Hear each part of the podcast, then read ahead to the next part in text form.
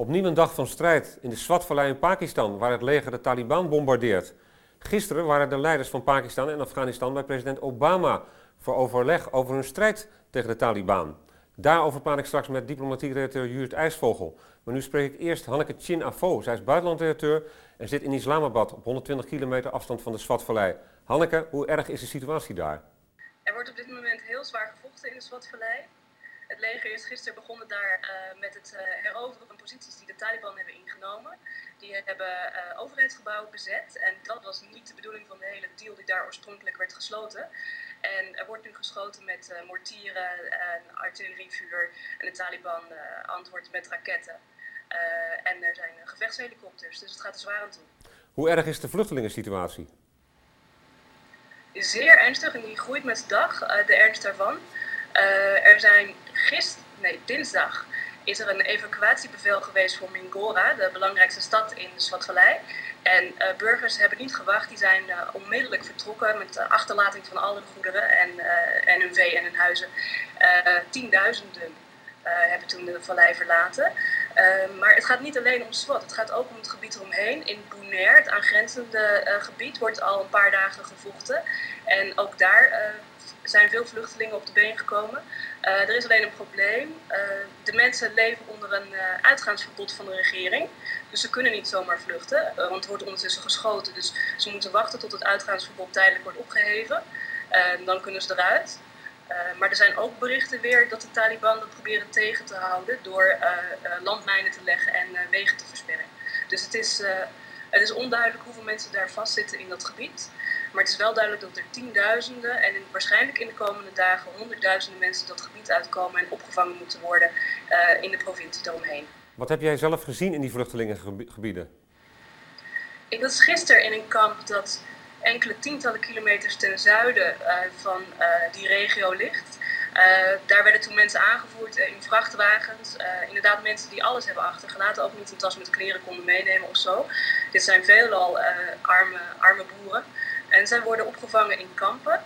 Uh, de mensen die niet bij hun familie terecht kunnen. Tenminste, het merendeel kan waarschijnlijk wel bij familieleden terecht. Uh, maar ja, die kampen die lopen langzaam vol. Ik was in zo'n kamp. En uh, daar was iedereen nog erg trots op hoe goed het ging daar. Maar ze hielden er ook wel rekening mee dat het in de komende dagen dat er nog duizenden mensen bij zouden komen. er wordt voedsel verstrekt door UNICEF, tenten door de vluchtelingenorganisatie van de VN.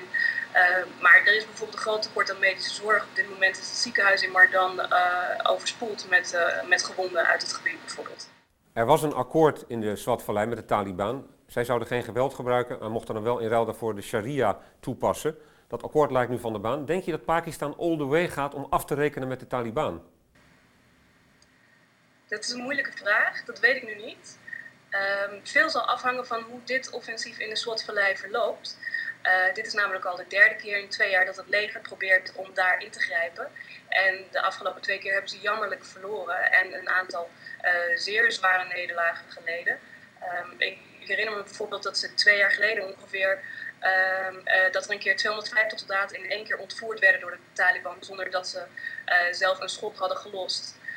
Um, zo klap komen ze niet snel te boven.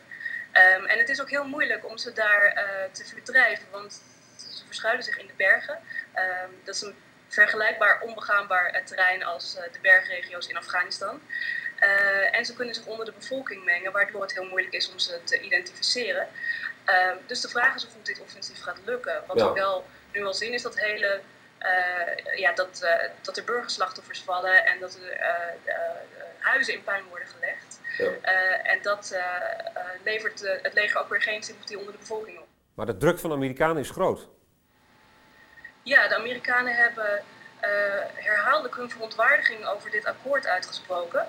En uh, hameren er al, al tijden op, zeker nu uh, president Obama aan de macht is, dat Pakistan meer werk moet maken van de bestrijding van de, van de Taliban, omdat de Taliban vanuit de Pakistanse grensregio's aanvallen uitvoeren in Afghanistan.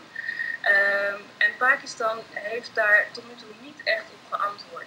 Wat ze wel doen, is tot nu toe toestaan dat Amerika zelf uh, met onbemande verkenningsvliegtuigen raketaanvallen uh, uitvoeren op die grensregio's.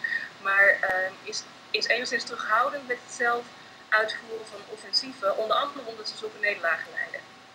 Oké Hanneke, bedankt voor zover. Jurt, gisteren waren de presidenten van Afghanistan en Pakistan op bezoek bij president Obama. Wat heeft dit kiezersberaad opgeleverd? Ja, twee dingen eigenlijk. Het heeft de steun opgeleverd en de blijvende inzet van de twee presidenten in de strijd tegen Al-Qaeda en andere extremisten. En aan de andere kant heeft Obama zijn steun gegeven aan deze twee toch zwakke uh, presidenten. Maar Obama vertrouwt Zardari, de Pakistanse president, niet. Hij vertrouwt hem niet. Hij heeft ook weinig vertrouwen in Karzai, maar hij moet wel. Het is zo belangrijk dat de situatie in die twee landen stabiliseert, ook voor Amerika dat hij geen andere keuze heeft dan deze twee leiders te steunen. Ja, ook het congres is sceptisch, hè, want dat moet 7,5 miljard dollar gaan pompen in Pakistan als hulp.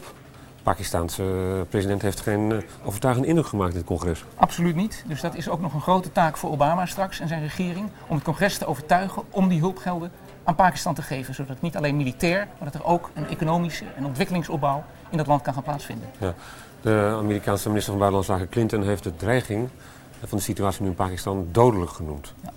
Waarom dat eigenlijk? Dat heeft te maken met aan de ene kant het feit dat de terroristische organisaties als Al-Qaeda zich ophouden in de grensgebieden van Pakistan en Afghanistan. Afghanistan Pakistan is een labiel land, bovendien is het een kernmacht.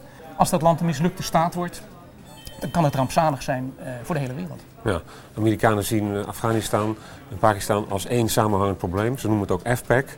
Wat is de Amerikaanse strategie eigenlijk? Is die ook samenhangend? De Amerikaanse strategie voor Afghanistan is langzamerhand samenhangend geworden. Ze zien dat ze Afghanistan niet kunnen oplossen zonder iets te doen aan de situatie in Pakistan. Maar in Pakistan, waar ze militair niet of nauwelijks aanwezig zijn, kunnen ze eigenlijk heel weinig doen. En daarom is de strategie nu het de Pakistanse regering zelf te laten doen, militair gezien, en verder economische hulp en ontwikkelingshulp geven. Ja, maar toch kun je zeggen dat voorlopig de Taliban in twee landen voor ontregeling zorgen. Dat is absoluut waar. Grote ontregeling. En je ziet in Pakistan dat het nog lang niet zo is dat de, dat de Taliban ook in het nauw gedreven wordt. Ja, en de Amerikanen vertrouwen ook Karzai niet. Ze vertrouwen ook Karzai niet. Uh, tegelijkertijd ze zien dat, ze hebben gezegd we komen hier de democratie brengen.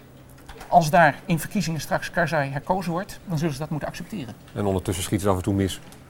Het is nog niet helemaal duidelijk wat er gebeurd is bij uh, het dramatische geval van een bombardement op een dorp in Afghanistan in het westen. Waar tientallen doden zijn gevallen. De Amerikanen zeggen het komt misschien niet door onze bombardementen en misschien is het, Al of is het uh, Taliban die daar met granaten heeft geschoten. Dat wordt nog uitgezocht. We zitten hier nog jaren aan vast. We zitten hier nog jaren aan vast, zowel in Afghanistan als in Pakistan.